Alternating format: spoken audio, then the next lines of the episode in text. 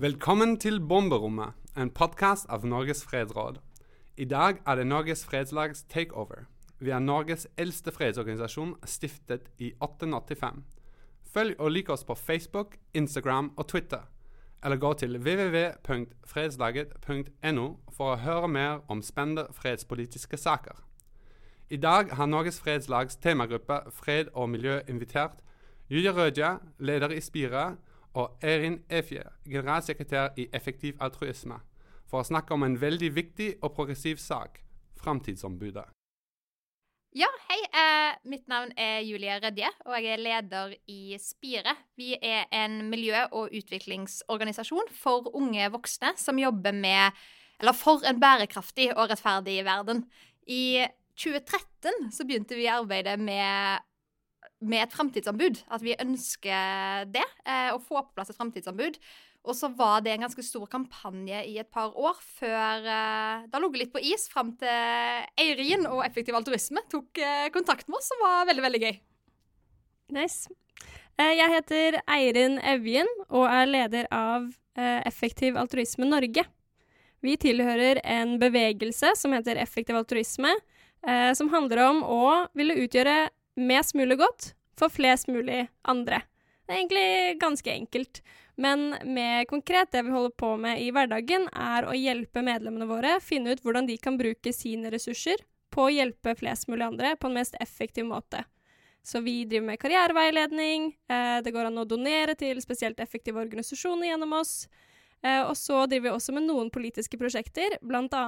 framtidsombud. Um, Ja, framtidsombud, det er jo Kanskje det høres eh, litt sånn fjernt ut, gjerne. Eh, I hvert fall da jeg kom inn i Spire for noen år siden, så visste jeg at det hadde vært en kampanje som Spire hadde hatt, men jeg skjønte ikke helt hva det var. Så egentlig så måtte jeg sette meg ganske mye inn i dette her for eh, et års tid siden, da vi eh, begynte å snakke om det. Um, og så fort at dette er noe som er så viktig. Um, og bakgrunnen for at vi ønsker et framtidsombud, handler jo i stor grad om at politikken som føres i dag, er svært, svært kortsiktig. Veldig ofte så tenker politikere på å vinne neste valg, eh, og det fører gjerne til eh, løsninger som er, kan være populære her og nå, men som ikke eh, har de langsiktige konsekvensene. Og jeg så faktisk her om dagen så så jeg at det står i Brundtland-konvensjonen fra 1880-tallet at vi låner miljøkapital fra framtidas generasjoner uten tanke på eller mulighet til å betale tilbake. Vi handler som vi gjør, fordi vi kan slippe ustraffa fra det. Framtidige generasjoner har ikke stemmerett ved våre valg. De har ingen politisk eller økonomisk makt. De kan ikke gå imot våre beslutninger. Og dette snakket de om på 80-tallet, og fortsatt så har vi den samme problematikken. Ja, det her er et utrolig viktig tema. Så eh, effektiv altruismes innfallsvinkel inn i dette er egentlig at eh, Så vi vurderer saksområder basert på tre kriterier. Det første er hvor stor skala har det, altså hvor mange er det, mange er det som blir påvirket av dette? Og eh, framtidige generasjoner Det er så enormt mange personer og dyr eh, og andre at skalaen er bare så enorm. Det neste kriteriet vi ser på, er er det her virkelig noe man kan gjøre noe med, det å hjelpe fremtidige generasjoner. Eh, og da ser vi at spesielt det å få inn mer langsiktige institusjoner kan eh, føre til at vi eh, tenker langsiktig, og derfor fører bedre politikk. Så det finnes, Vi tror langsiktige institusjoner og kanskje noen andre virkemidler kan være med på å skape faktisk endring for alle disse som skal komme etter oss. Så er det det siste kriteriet. Det er hvor forsømt er dette? Hvor mange andre er det som jobber med dette temaet? For om det er veldig mange andre som bryr seg, så kanskje din ekstra eh, donasjon eller din ekstra time å jobbe på dette ikke har så mye å si.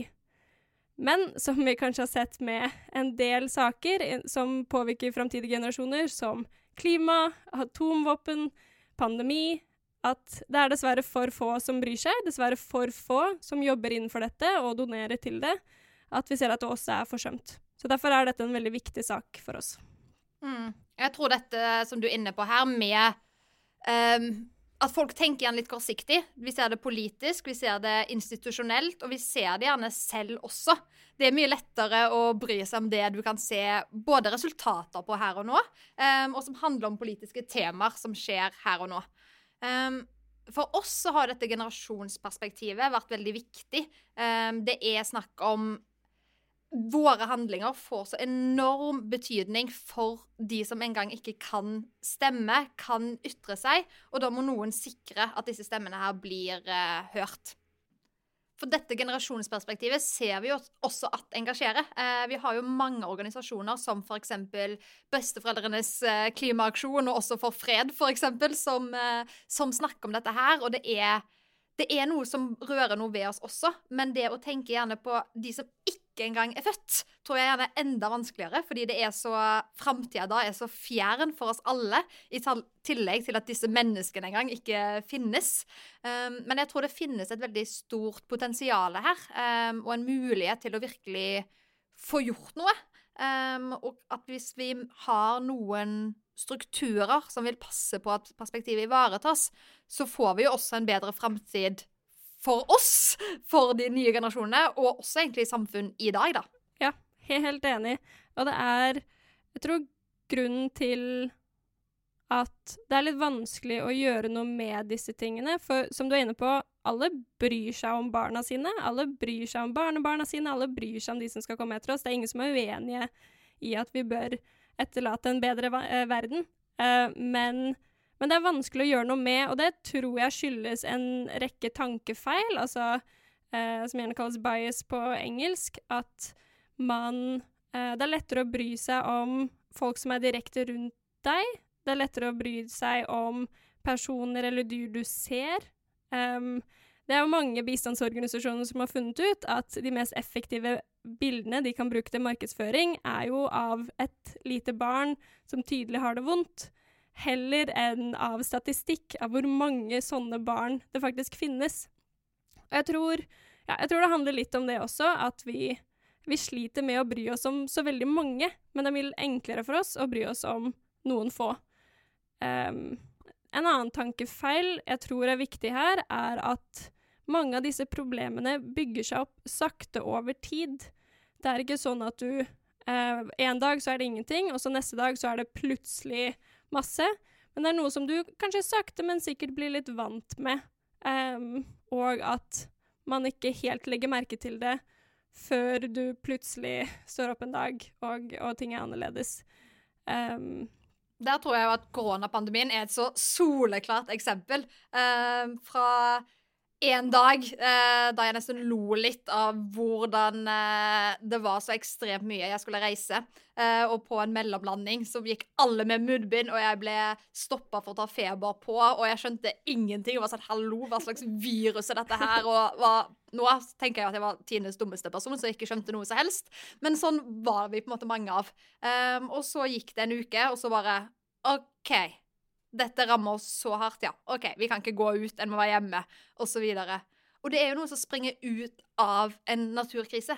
Dette her kommer jo også fordi vi har klimaendringer, vi har en naturkrise som har pågått i lang tid. Vi har visst om det. Ehm, da vi gikk på barneskolen, så snakket vi om det. Da foreldrene våre gikk på barneskolen, så visste de også om det. Likevel så har vi kommet så kort. Eh, det er på alles eh, lepper og jakkearmer, både klimamål og bærekraftsmåla, men det skjer så lite. Um, men plutselig nå så ser vi hvor akutt det er, og kanskje det også kan være en vekker for oss for å se at det, OK, det har betydning, det har store konsekvenser her og nå, og enda større konsekvenser om 10-20-30 år. Ja, og det, det, handler jo også litt om prokrastinering, ikke sant? Som jeg tror vi alle kanskje kan kjenne oss litt igjen i. At eh, det er vanskelig å begynne på noe i dag når fristen er om et år, f.eks. Eller i dette tilfellet, da, kanskje fristen er om 50 eller 100 år. Da er det veldig vanskelig å faktisk gjøre det arbeidet som trengs nå. Eh, og jeg tror det som er viktig med et framtidsombud eller en lignende institusjon eller andre tiltak, er at de um, ta hensyn til disse tankefeilene. At de forsøker å motarbeide dem. For det er helt naturlig at beslutningstakere har disse tankefeilene. Er, jeg forstår det. Uh, og derfor trenger vi et framtidsombud eller noe lignende for å eh, hjelpe de i arbeidet mot disse tankefeilene. Eh, for å faktisk oppnå det tror de også er enig i at de ønsker å oppnå, nettopp å hjelpe flest mulig. Eh, ikke bare nå, men også i framtiden. Mm. Um, jeg tenker kanskje vi skal prøve å se litt på hva et framtidsombud er. Uh, fordi at det syns jeg har vært litt vanskelig uh, å få taket på selv, i hvert fall. Uh, vi har jo I Norge så har vi barneombud. var vel et av de første landene, om ikke det første landet, som fikk det på plass. Også tidlig 80-tallet, om jeg ikke tar helt feil. Um, og vi har på en måte ombud på ulike områder. Um, nå fikk vi også for ikke så lenge siden et eldreombud for første gang. Um, og dette er jo på en måte en person som er ansatt, et offentlig verb eller stilling, som skal ivareta interessene til en gruppe som gjerne ellers ikke får sine interesser så godt ivaretatt, da. Um, og det er jo heller ikke Det finnes jo i andre land. Det er ikke noe enestående fenomen som vi har funnet på uh, som en helt radikal idé, men noe som finnes, og som man har sett ulike eksempler på tidligere også, fra andre land. Ja, ja for det er jo akkurat dette at et, Så et framtidsombud skal tale på vegne av noen som ikke har en stemme i dag. Så man kan virkelig argumentere for at framtidige generasjoner er en sånn type gruppe. Eh, og de har prøvd det bl.a. i Ungarn og i Israel, og nå holder de også på å utarbeide noe i eh, Wales, tror jeg, og Storbritannia, som er veldig spennende. Eh, og eh, vi kan jo være ærlige og si at det har ikke fungert nødvendigvis så bra i Spesielt i Ungarn og Israel. Der varte det bare i fire år, altså en stortingsperiode. Eh, som kanskje tar oss litt tilbake til det, hvorfor dette ikke har skjedd før. Jo, politikere tenker kanskje bare fire år fram i tid. Eh, men så det vi tror er viktig eh, når det kommer til framtidsombud i Norge, da, er at det ikke kan fjernes om fire år. Mm. Og det, det, tror jeg også handler om hvor mye makt det skal ha. At de hadde vetomakt, og det var ganske ganske, uh, vo ganske voldsomt tiltak, egentlig. Men det vi ser for oss, er uh, på samme nivå som barneombud og eldreombud, som vi har ganske lang historie med i Norge. Uh, mm. Så vi tror vi har spesielt tro på at det kan fungere her i Norge pga. vår historie. Ikke bare med ombud, men kanskje også vår historie med å tenke langsiktig, som med Gro Harlem Brundtland og bærekraftighet, eh, men også eh, Statens pensjonsfond eh, utland. Altså Det ble jo startet for å sørge for at de som kommer etter oss, har en god økonomi.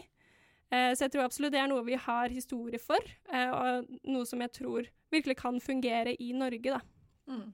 Og der òg, holdt på å si, er det jo en spennende diskusjon med hvor mye makt en skal ha og liggende i sånne institusjoner, som jo også er noe, noe vi gjerne kunne prata lenge om. Men jeg tror at for å komme til denne mandatet da, til fremtidsombudet, så tror jeg det er noe som er så viktig, som du peker på, Eirin, at det må være en må ha en makt og myndighet, fordi hvis ikke så blir det et punkt på en sjekkliste med sånn Yes, vi, har, uh, vi jobber med framtidsretta politikk fordi vi har et framtidsombud, men i realiteten så har det ingen betydning.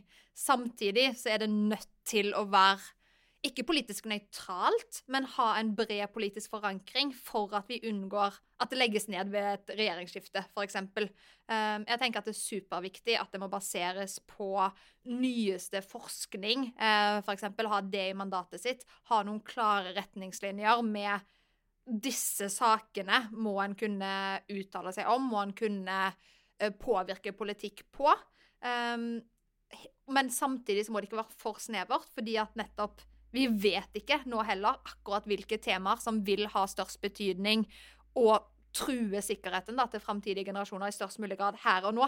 Eh, vi tenker på miljø, atomvåpen, matsikkerhet, pandemi, fordi både det er store reelle spørsmål i dag, og så er det også noe av det som våre organisasjoner jobber med, og vi sitter generelt i det bildet der. Men om 20 år så kan det være noe helt annet også, og da må dette ombudet ha mulighet til å jobbe med denne saken men ikke fra et, en politisk, ideologisk ståsted, men fra et forsknings-, kunnskapsbasert eh, ståsted. da. Uh, tenker jeg er superviktig, i hvert fall.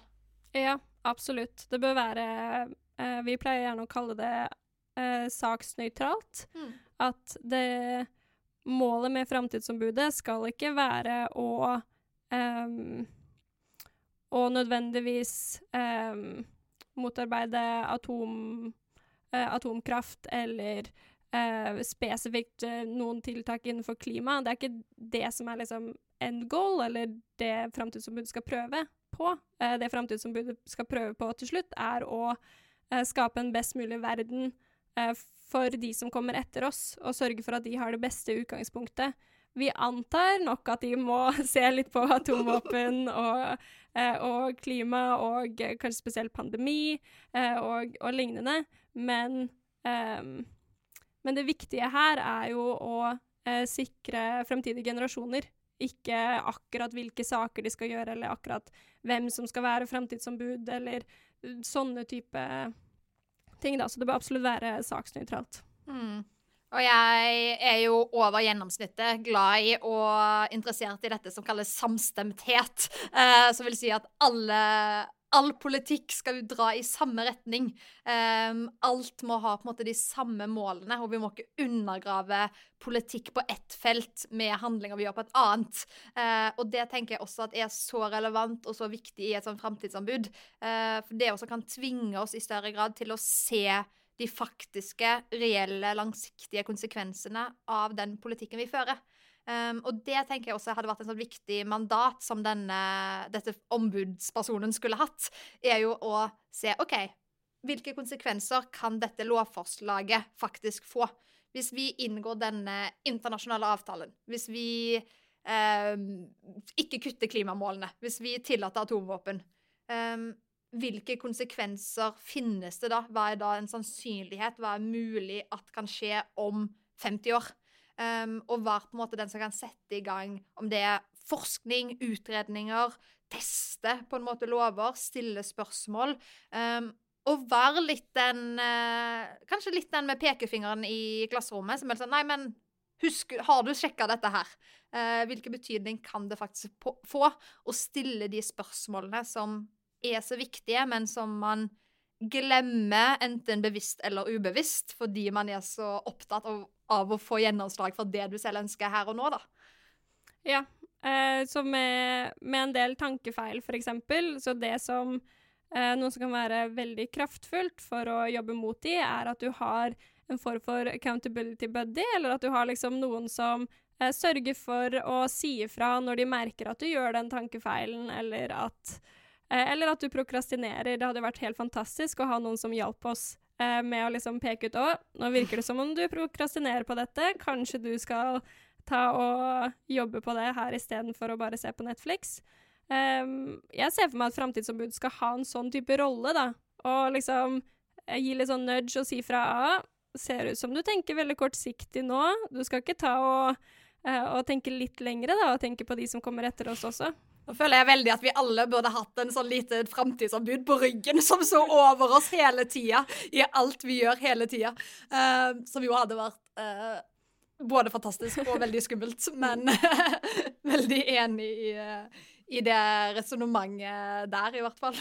Ja, for jeg tenker um, Jeg tror mange forbinder ombud med byråkrati mm. og med at det er noen som skal klage på politikerne, eller at det blir gjerne framstilt litt sånn negativt av den kjipe personen i rommet som skal si fra. Men om man heller tenker at det er liksom et heialag, det er et støtteapparat for å hjelpe politikere å gjøre det, de, det jeg tror de egentlig vil, så tenker man kanskje på det som litt mer positivt, at det her er um, noe som skal hjelpe beslutningstakere. Mm. Ja, det tenker jeg er superviktig. Dette her å få den der kunnskapen og politikken sammen. At det kan legge liksom til rette for at dette her At kunnskap, interesser, blir førende for politikken som styres, med målet om at det skal være en trygg, rettferdig, bærekraftig verden for alle i all framtid, for alle som lever uansett hvor. Um, og dette her er jo noe som er mulig. Jeg tror jo ikke at et framtidsanbud i seg selv kan løse alle problemer, eller vil sørge for at all politikk blir superlangsiktig og helt samstemt. Det har vi dessverre ingen oppskrift på, men et sånt ombud kan være et steg i riktig retning.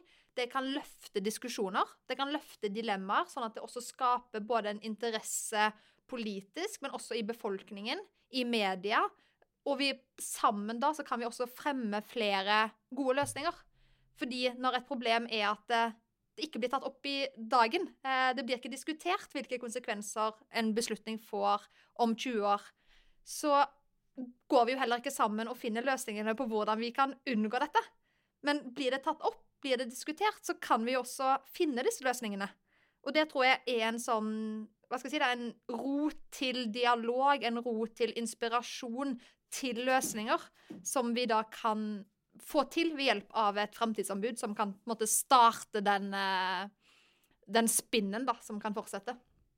Ja, og det er noe jeg håper at vi ser nå etter covid, og kanskje nå mot slutten, som vi forhåpentligvis er på vei mot, eh, at eh, For pandemi er og egentlig ganske nært det som har skjedd nå, er et av krisescenarioene som mm. Direktoratet for sikkerhet og beredskap fortalte om sin rapport i 2019. Um, ehm, der hvor de la fram ulike krisescenarioer, og pandemi var en av de. Uh, og da sa uh, Der mente de at det var 75 uh, eh, sannsynlig at det kom til å skje de neste 100 årene. Og av alle krisescenarioene de så på, så var det her med et av de, eh, de største konsekvensene. Både antall dødsfall, men også økonomiske og andre konsekvenser, da.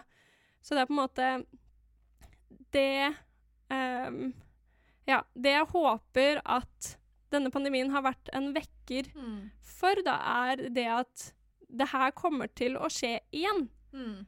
Eh, men ikke, ikke, om fem år, kanskje ikke om ti år, men kanskje om 50 år, og i hvert fall om 100 år, så er det nok veldig sannsynlig at det kommer til å skje igjen. Eh, og eh, derfor er det her også noe vi er nødt til å bry oss om og gjøre noe mer for å forberede oss for. Og helt enig i at det her også handler om hva folk er opptatt av. Eh, og eh, beslutnings takere har absolutt disse tankefeilene, men vi andre har nok også det samme. Eh, så det håper jeg også at et framtidsombud kan bidra til, er å belyse dette, at dette her er viktig, eh, og skape dialog og skape samfunnsdebatt om, da. Absolutt. Eh, det er jo også Denne pandemien viser jo også dette med hvor tett alt henger sammen. Som også fører på en måte dette behovet enda sterkere igjen. Så jeg tror at uh, på mange måter nå så skal vi inn i en post-korona, uh, hvordan komme tilbake til hverdagen-debatt. Uh, um, og det kommer til å være en diskusjon opp mot stortingsvalget. hvordan skal vi få økonomien på plass? Hvordan skal vi få folk i arbeid? pandemihåndtering. Miljø tror jeg også vil være en uh, diskusjon opp mot valgkampen. Uh, håper jo det, og tror det. Uh, vi så jo at atomvåpen også var en diskusjon på Ap sitt landsmøte, som var nå nylig. Og jeg håper jo at nå kan vi løfte blikket litt mer også. At vi trenger ikke bare å se på OK, hvordan skal vi løse klima? hvordan skal, skal Ap være for eller imot atomvåpen? Um, korona, hvordan skal vi bare få økonomien opp igjen? Og, men heller OK, vi blir tvunget nå til å tenke nytt. Vi blir tvunget til å omstille oss. Vi har også sett at folk er villige til å omstille seg. Folk er veldig tilpasningsdyktige. Eh, politikk kan også skifte total retning over et par timers eh, beslutning, hvis de bare vil det nok. Så nå ser vi hvor mye politisk endring som er mulig, både fra det offentlige og også fra hver enkelt person, da. Så kanskje vi nå istedenfor å gå tilbake til normalen, kan skape en helt ny hverdag, en ny normal, som bygger på samstemte, helhetlige politiske løsninger for framtida. Eh, og da tror jeg at et framtidsarbeid kan være en av mange viktige eh, institusjoner og gjennomslag for å skape debatt eh, og framtidsretta politikk. Ja, og uh, det var en rapport som kom ut nå rett etter påske, altså for noen uker siden, eh, som handlet om eh, håndteringen av covid i Norge, og en vurdering av den. Og der så man at det er faktisk på flere områder her så var ikke vi godt nok forberedt. Mm. og det jeg håper, er at vi kan Så vi må lære av det. Men jeg håper også at vi kan eh, ta lærdom av det på andre områder, som klima, som atomvåpen. Eh, kanskje også som matforsyning, eller som eh, andre biologiske trusler, eh, kanskje som eh, utvikling og bruk av kunstig intelligens eller autonome våpen. At det er en hel rekke sånne krisescenarioer eh, som vi bør være bedre forberedt på. Og det kan vi ta masse lærdom av hvordan vi håndterte eh, pandemien nå, og tenke at det er også faktisk overførbart til disse andre områdene. Mm, absolutt. Jeg tror det er så mye potensial her nå. Så det jeg syns er spennende, er jo at det har vært Framtidsanbud er noe som har hatt veldig bred støtte tidligere. Eh, da Spire hadde dette som en kampanje, så hadde vi også et opprop i 2014 som over 40 organisasjoner da stilte seg bak. Og det var alt fra på en måte politiske ungdomspartier fra ganske bredt spekter av den politiske skalaen. Fra liksom miljøorganisasjoner, eh, fredsorganisasjoner, utvikling, Um, også store paraplyinstitusjoner som eh, LNU, Landsorganisasjonen for uh, barne- og ungdomsorganisasjoner, som igjen har vel sånn Husker ikke hvor mange, om det er 50 eller 100. Nå skal jeg ikke skryte på de flere enn det de eventuelt har, men mange. Og også Forum for utvikling og miljø, som også har ca. 50 medlemsorganisasjoner. Disse stilte seg også bak det her, og det viser at det er noe som engasjerer. Det er noe mange vil ha på plass. Um, og det eneste det egentlig mangler nå, er at det, at det gjøres. Eh, fordi mulighetene finnes der. Eh, det er ingenting i veien egentlig for å sette opp et framtidsanbud. Det er ikke noe som krever veldig mye penger. Det krever ikke veldig mye eh, utredninger eller noe som helst. Det må bare i, settes i gang. Og så må det selvfølgelig ha et tydelig mandat når det starter. Men der også så må det være litt fleksibelt for å kunne tilpasses det samfunnet som hele tida er i endring. Ja. Nå har vi jo vi har snakket mye om eh, framtidige generasjoner, men vi har mm. kanskje ikke sagt så mye om hvor langt fram i tid vi tenker at det er naturlig at en framtidsombud ser. Hva tenker du om det? Veldig godt spørsmål. Um, jeg tenker jo at det bør ha et så langsiktig perspektiv som eh, forskningen og den mulige kunnskapen kan forutse. Eh, det vil si at når det gjelder noen temaer, så er det kanskje naturlig å kunne konsentrere seg om konsekvensene i 20 år fram i tid, mens med andre ting så har vi faktisk mulighet til å se enda lenger. Da har vi mulighet til å se 100 år fram i tid. Um, så at det må nok være litt fleksibelt um, for å kunne oppfylle sitt mandat i størst mulig grad. da, Og kunne gjøre den nytten det har, uansett. Men det er jo et veldig godt på en måte, et spørsmål, og helt sikkert noe også som ville vært oppe til debatt eh, hvis dette her skulle på plass. Um, men jeg tenker at det viktigste er at vi klarer å se framover, og du må ha et minst på en måte tenke et, en generasjonsperspektiv, da. Eh, minst på en måte kunne se en generasjon framover i tid. Ja, jeg tenker kanskje minst 100 år, jeg. Mm. Um, men jeg liker tanken din om å Um, at det skal handle om hva er det vi har forskning um, på, eller hva er det forskningen viser. Um, men som jeg nevnte i stad, den eh, Direktoratet for sikkerhet og beredskap sin rapport om krisescenarioer, der så de 100 år fram i tid, og opplevde at de klarte å komme fram til ulike scenarioer som de kunne se på der.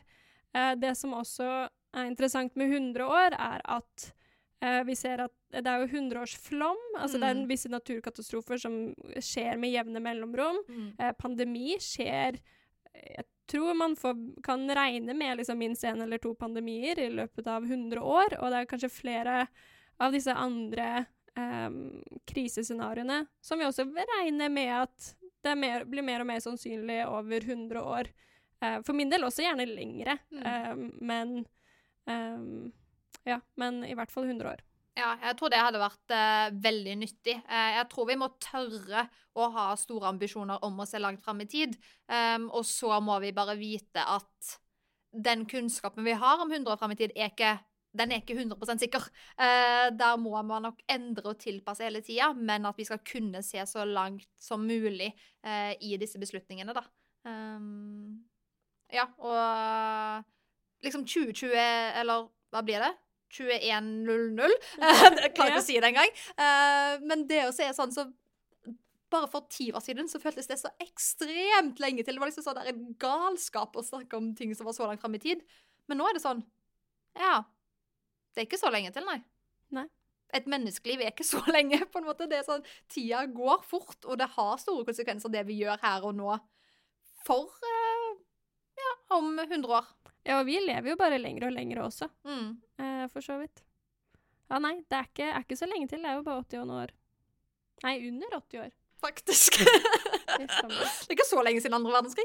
Nei, det er ikke det. Det er Liksom, ikke bare så tenk hvor mye da av vårt samfunn i dag som blir forma av politikken for, på liksom tidlig 1900-tallet.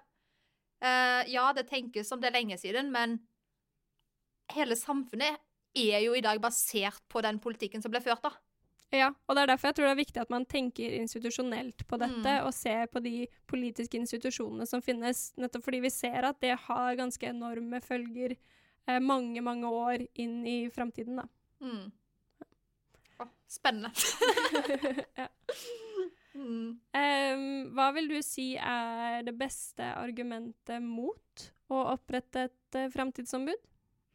Mm, jeg tror jo kanskje det er dette med å finne balansen eh, med hvor mye mandatet skal ha. Um, og være sånn der, men hva Hvilket mandat skal det egentlig eh, kunne ha, et sånt ombud? Hvor politisk skal det være? Fordi at alle beslutninger er jo egentlig politiske. Hvordan kan vi få et ombud som har en faktisk reell myndighet og betydning, uten at det vil være store krefter som vil kjempe imot det. Um, å finne den balansen der tror jeg helt ærlig kan være en utfordring. Um, skal ikke undergrave det argumentet der, men jeg tror likevel at det absolutt er mulig. Um, og så tror jeg at det må i utformingen bli på en måte nedfelt at det skal bestå over en såpass lang periode, i hvert fall, uansett. At det kan ikke være et prøveprosjekt på to år, for da får vi ikke testa det. Mm. Eh, det må på en måte ha i hvert fall et tiår. Nå skal det være ti år uansett hva, på en måte. Ja. ja. Hva tenker du? Um, tror noe uh, er Noe som jeg synes gir mening og er ganske reelt, er at altså, det er noe legitim usikkerhet rundt hva som kommer til å skje i framtiden. Mm. Eh, jeg tror det er mye som er irrasjonelt og handler om disse tankefeilene som vi snakket om tidligere. Men det er noe legitim usikkerhet om hva som faktisk kommer til å skje. Og det er jo ofte derfor vi diskonterer effekter som kommer i framtiden, for vi, vi, vet ikke helt. Det er litt mer usikkerhet. Um, men jeg tror fortsatt at vi kan vite såpass mye, som også diverse rapporter og forskning har vist oss, at det går an å predikere en del. Uh, og så mener jeg også ganske bestandt at vi i hvert fall bør prøve. Mm. Uh, at vi i hvert fall uh, ja, bør prøve å finne ut av det. Mm. En annen ting jeg har tenkt på, er at kanskje nå ikke er den beste tiden for å sette opp et framtidsombud. Man kunne argumentert for at kanskje om noen og hundre år så er det enda viktigere å, å, tenke på framtiden. at um, ja, at kanskje, kanskje klimaet eller Altså det politiske klimaet eller lignende er annerledes om noen år. At det vil egne seg bedre. At vi har mer kunnskap eh, i framtiden. Eh, og at derfor er det bedre å vente. Jeg tenker at det er veldig interessant. Samtidig så vil jeg si at jeg i utgangspunktet er veldig tenker det motsatte. Uh, jeg tenker at nå er en perfekt tid, uh, nettopp fordi at klima har, eller, og miljøsaken som helhet har aldri vært så diskutert som det er nå. Eh, vi har hatt, har fortsatt korona, som virkelig har vist oss denne sikkerhetsdilemmaet av av det framtidspolitiske også, som vi nok ikke har tenkt så mye på før. Eh, dette med pandemi og en så global krise som det vi har sett nå, har vi på en måte ikke vært i stand til å se for oss, tror jeg, i samme grad eh, som det vi er nå. Um, og også det at vi må omstille oss. Uh, vi må gjøre så store endringer i politikken nå, for nettopp pga. Uh, pandemien, og at vi skal på en måte tilbake til en ny normal. Uh, og da tror jeg at det er egentlig et perfekt tidspunkt å få dette inn. Um, og så er det jo også dessverre en litt sånn økende polarisering i Norge. Både når det gjelder hva skal jeg si, høyre-venstre-aksen, miljøspørsmålet, eh, om by og land. Eh, det er så mange sånne polariserende debatter som jeg tror også det er så viktig at vi samles om det vi alle har til felles, og det er også framtida vår. Eh, og da kan vi se ok, men hvilke løsninger kan vi finne som er bra for alle, som har en så stor betydning for eh, hvilke liv vi vil leve, hvilke liv barn, barnebarn, tippoldebarn etc. Eh, kan ha. da. Så jeg føler virkelig at nå er tida er litt sånn overmoden, og nå tror jeg liksom at nå ligger hva skal jeg si, blomsterbedet klart, og det er bare å så disse gode frøene. Ja, jeg, eh, jeg, er jo egentlig enig i deg. Eh, Bra, jeg fikk bare ha litt sånn tordentale. Det var fint. Og jeg tenker eh, også, som jeg mistenker du også har følt på det siste året når vi har samarbeida, at det egentlig har vært veldig eh, kult at vi har funnet et sånn felles prosjekt for Spire, Effektiv Norge, Norge, Norges fredsråd og Nei til atomvåpen, ikke minst. og at her, vi ser at det her er noe som eh, gjør at vi kan jobbe mot noe felles, da. Mm. Eh, og jeg tror vi har veldig mange flere på laget også, og at det er jo det vi er, bryr oss om egentlig til slutt. Vi bare kanskje har fokusert på ulike innfallsvinkler eller ulike saksområder eller temaer. Men det har vært veldig fint å kunne samles om sånn, et felles prosjekt, da. Mm. Og det tror jeg er veldig riktig det du sier, at de fleste, om det er organisasjoner eller enkeltmennesker, så deler en målet om en bærekraftig og rettferdig verden. Det er stort og fint, men det er faktisk det vi ønsker oss. Uh, men så har man ulike vinklinger, og ofte så kan nok de forskjellene mellom organisasjoner, partier, individer bli større enn hva de kanskje faktisk er. Um, og et sånt ombud tror jeg kan, kan, også være nyttig da, i å samle disse tankene og tvinge oss til å tenke litt mer helhetlig. Um, så jeg tror det er veldig mye potensial i det. Um, og vi håper jo veldig at enda flere selvfølgelig har lyst til å være med uh, og jobbe for dette her. Og uh, kjempe for det innad, enten i sine organisasjoner eller eller til politiske forhandlinger. Det blir jo mest sannsynlig noen regjeringsforhandlinger til høsten, f.eks. Ja. Da Det blir spennende. Kan vi det få det inn da, tror du? Uh, ja. det hørtes ikke veldig sikkert ut, men um, uh, jeg har Jeg tror at dersom man tenker på dette som et slags beredskapstiltak, eller at man tenker på det som en forlengelse av eh, diskusjoner vi har og kommer til å ha eh, rundt hvordan vi håndterte pandemien, og hva kan vi gjøre for neste. Om vi tenker på dette som en slags sånn type tiltak, så har jeg tro på at eh, vi, vi, kan få til å opprette det, eller i hvert fall utrede det, som kanskje blir første steg. Men uh, ja. Men jeg tror, jeg tror det krever at um, man kanskje ikke bare tenker på det som enda et ombud eller noe sånt, men at man tenker på at det her burde være en del av svaret vårt på spørsmålet hva skal vi gjøre etter pandemien. Mm. Helt enig. Eh, det finnes jo noen eh, partier som også har det i programmet sitt, og jeg tenker jo at denne diskusjonen om nettopp sikkerhet, beredskap, eh, vil bare være større og større, og her har vi, har vi et tiltak som jeg tror kan være veldig nyttig, så jeg håper vi kan samle flere om, og så må vi på en måte finne ut av alle konkretiseringene um, etter hvert. Men det er sånn som eksempel barneombud, da. Det har hatt en veldig positiv effekt. Dette ville jo hatt et veldig annet mandat, men man ser hvilken utrolig viktig rolle et barneombud har hatt for å sikre liksom, barns rettigheter generelt. Og det er jo, selv om barn og framtidige generasjoner er litt forskjellig og vanskelig å sammenligne, så er det så mye der også som er, som er likhetstrekk, da. Som jeg tror vi kan spille veldig på.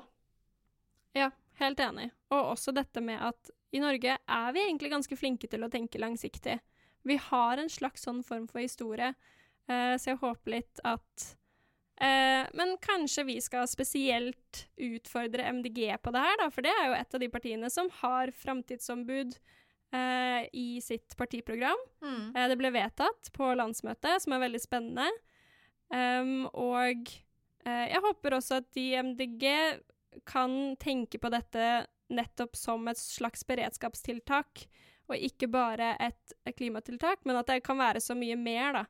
Eh, så jeg håper vi får noen forkjempere der. Veldig enig. Eh, det er veldig gøy at de har det i partiprogrammet sitt. Har jo hatt det en stund også. Vi har jo spilt det inn til en del andre partier også. Har ikke sett det komme enda, men det kommer jo fortsatt noen landsmøter utover eh, våren hvor det kan dukke opp. Um, men det jeg også håper nå, er jo at det også kan få en, få en plass i forhandlingene. Um, jeg tror det er ganske mange partier som kan se en verdi av dette her. Um, og man skal komme fram til en eh, regjeringsplattform uansett hvem det er som vinner valget nå, så blir det diskusjoner. Og at dette kan løftes opp til, eh, til noe som faktisk får en prioritet, nettopp fordi det er så grunnleggende. Eh, det kan ha så grunnleggende føringer for, for så mange viktige saker, hvordan vi skal strukturere samfunnet vårt, da, rett og slett. Ja. ja, absolutt. Det hadde vært veldig, veldig kult om det ble med i en regjeringsplattform. Mm. Og det tenker jeg at vi også skal eh, holde MDG til, og eventuelt andre partier til også, at eh, det her er viktig. Og det eh, tror jeg mange andre kan være med på, å holde de til. At det her er viktig for oss. Um, ja. Mm. Kanskje det skal holdt på å si, være vår uh, lille oppfordring til alle som hører. At litt sånn der en For det første, syns du dette her er spennende og viktig? Enten at du tenker at ja, et fremtidsavbud er noe vi vil ha på plass, eller at du kanskje har en sånn Å, dette her er et supergodt argument som, en, som vi ikke har tenkt på, uh, så vil jo vi ha det også, sånn at vi kan jobbe med det videre og utarbeide. Um, så liksom ta kontakt med noen av våre organisasjoner, og er du i et parti, snakk med, snakk med folka i partiet ditt, og få det på liksom, agendaen der, sånn at vi kan gjøre dette til, til en realitet, for det tror jeg er mulig. Uh, vi trenger bare kreftene inn på det, for å si det sånn. Ja, absolutt ta kontakt om du har lyst til å bidra. Eh, en annen ting jeg vil oppfordre til, er å For jeg tror det her er en lang kamp. Eller jeg tror det her er noe vi er nødt til å jobbe for eh, lenge. Enten om det blir, faktisk blir opprettet et framtidsombud eller ikke. Eh, og for det, det, er også mye mer man kan gjøre enn å jobbe for å sette opp et framtidsombud. Mm. Eh, og kanskje spesielt kan du bruke eh, karrieren din eller, eller, donasjonene dine på dette. En nettside jeg vil anbefale, er eh, en som heter 80000hours.org, eller 80 000 timer. Det er så mange timer man har i karrieren sin, sånn cirka. Eh, og de eh, forsker på hvordan man kan bruke de timene på å hjelpe flest mulig andre. Og de har faktisk eh, fokusert en del på sånne her globale kriser, og spesielt hva kan man gjøre der. Så de har mange tips. Og vi tilbyr også, som sagt, karriereveiledning basert på 80,000 Hours sine råd. Eh, så det er bare å ta kontakt med oss på nettsidene våre eh, om du har lyst på litt hjelp til å tenke gjennom hvordan du kan bruke karrieren din, da. For det tror jeg kan være eh, kjempekraftfullt og ha stor påvirkning. Spennende. Det skal jeg sjekke ut når jeg en gang går av som spireleder og skal ha en annen jobb. Ja, vi, vi får gjerne ta en prat da, altså.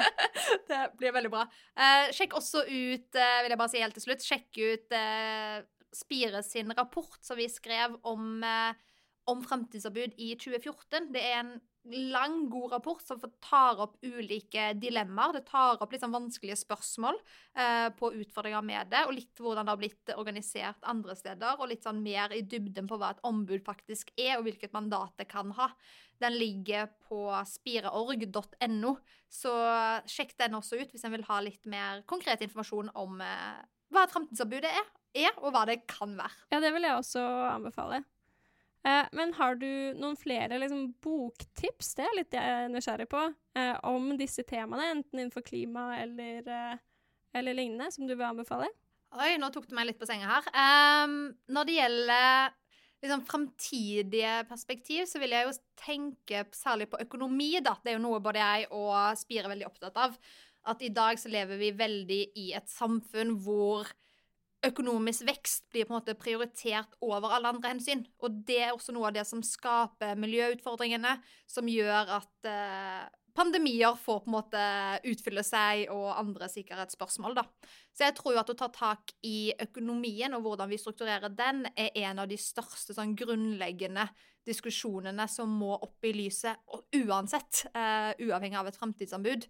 Og der syns jeg jo at det finnes veldig mange eh, gode bøker. Um, blant annet, så hvis en vil ha på en måte noe som går litt på norsk, i norsk kontekst, så kan man jo se på Økologisk økonomi av Ove Jacobsen, som er veldig spennende. Um, eller Donut Economics av Kate Robert, som ser på smultringmodellen, som jeg kunne snakka om i 100 år, eh, som er en økonomisk modell for nettopp å skape gode, trygge liv for alle mennesker til enhver tid eh, i et trygt og levelig miljø. Så hele den økonomiske modellen der også bygges jo nettopp på et framtidsscenario, et framtidsperspektiv. Eh, så se mer på denne modellen og de økonomiske teoriene rundt det, hvis en vil ha noe sånn rammeverk man på en måte kan styre politikken etter, så er jo det noe jeg eh, syns er superspennende, i hvert fall. Kult. Både smultringsøkonomi og samstemthet er to ord som jeg lærte etter jeg ble kjent med deg. um, som gir veldig mening. Uh, men uh, ja, nei, det har vært veldig spennende å få satt seg litt mer inn i. Uh, på min side så vil jeg gjerne anbefale en bok som heter The Precipice av Toby Ord. Den handler om at vi står på altså The Precipice, eller Precipice tror jeg er oversatt til stup, okay. eller liksom kant. Ja. At, uh, at, vi i dag står ved et slags stup eller kant der hvor vi har mulighet til å gjøre veldig mye på vegne av framtidige generasjoner. Uh, og jeg syns han går gjennom den første delen av boka, så går han gjennom uh, en del argumenter for dette som han kanskje ikke hadde tenkt på. Han tar bl.a. opp det kulturelle perspektivet, altså hvor mye av kulturen vår og kanskje andre ting som vi setter verdi på, som vil gå tapt. Mm. Eh, potensielt. Eh, og, og den andre halvdelen av boka er bare eh, noter. nesten bare liksom referanser og utdypninger og tanker, som er fint dersom man virkelig vil sette seg inn i ting. Mm. Eh, det er en bok som det er fint å ha masse bokmerker i, sånn at du kan gå fram og tilbake. eh, så det kan være litt for enhver. Og Toby Ord har også flere foredrag på YouTube der hvor han, om du ikke gidder å lese hele boka, Eh, så kan du enten høre på de foredragene, eller så har også 80,000 Hours en episode på sin podkast med ham, da, der hvor han forklarer litt mer. Så spennende. Eh, den fikk jeg lyst til å se på, jeg også. Så Nei, jeg føler at det finnes så mye spennende her vi kunne dratt sammen og inn i denne helhetlige diskusjonen. Men eh, for å hva skal jeg si, kanskje runde av litt, hva er hvis du skal summere opp helt kort, hvorfor er et framtidsombud viktig? Et framtidsombud er viktig eh, fordi det kan hjelpe beslutningstakere tenke lengre, eh, slik at vi, eh, de får til å jobbe mot det målet jeg tror de egentlig har, som er å hjelpe flest mulig, for alle, for alltid. For en nydelig avslutning. Takk.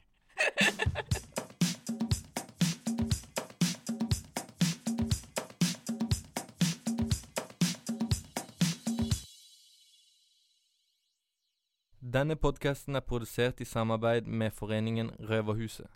Sjekk ut Røverradioen søndag 20.30 på NRK P2 eller der du hører på podkast.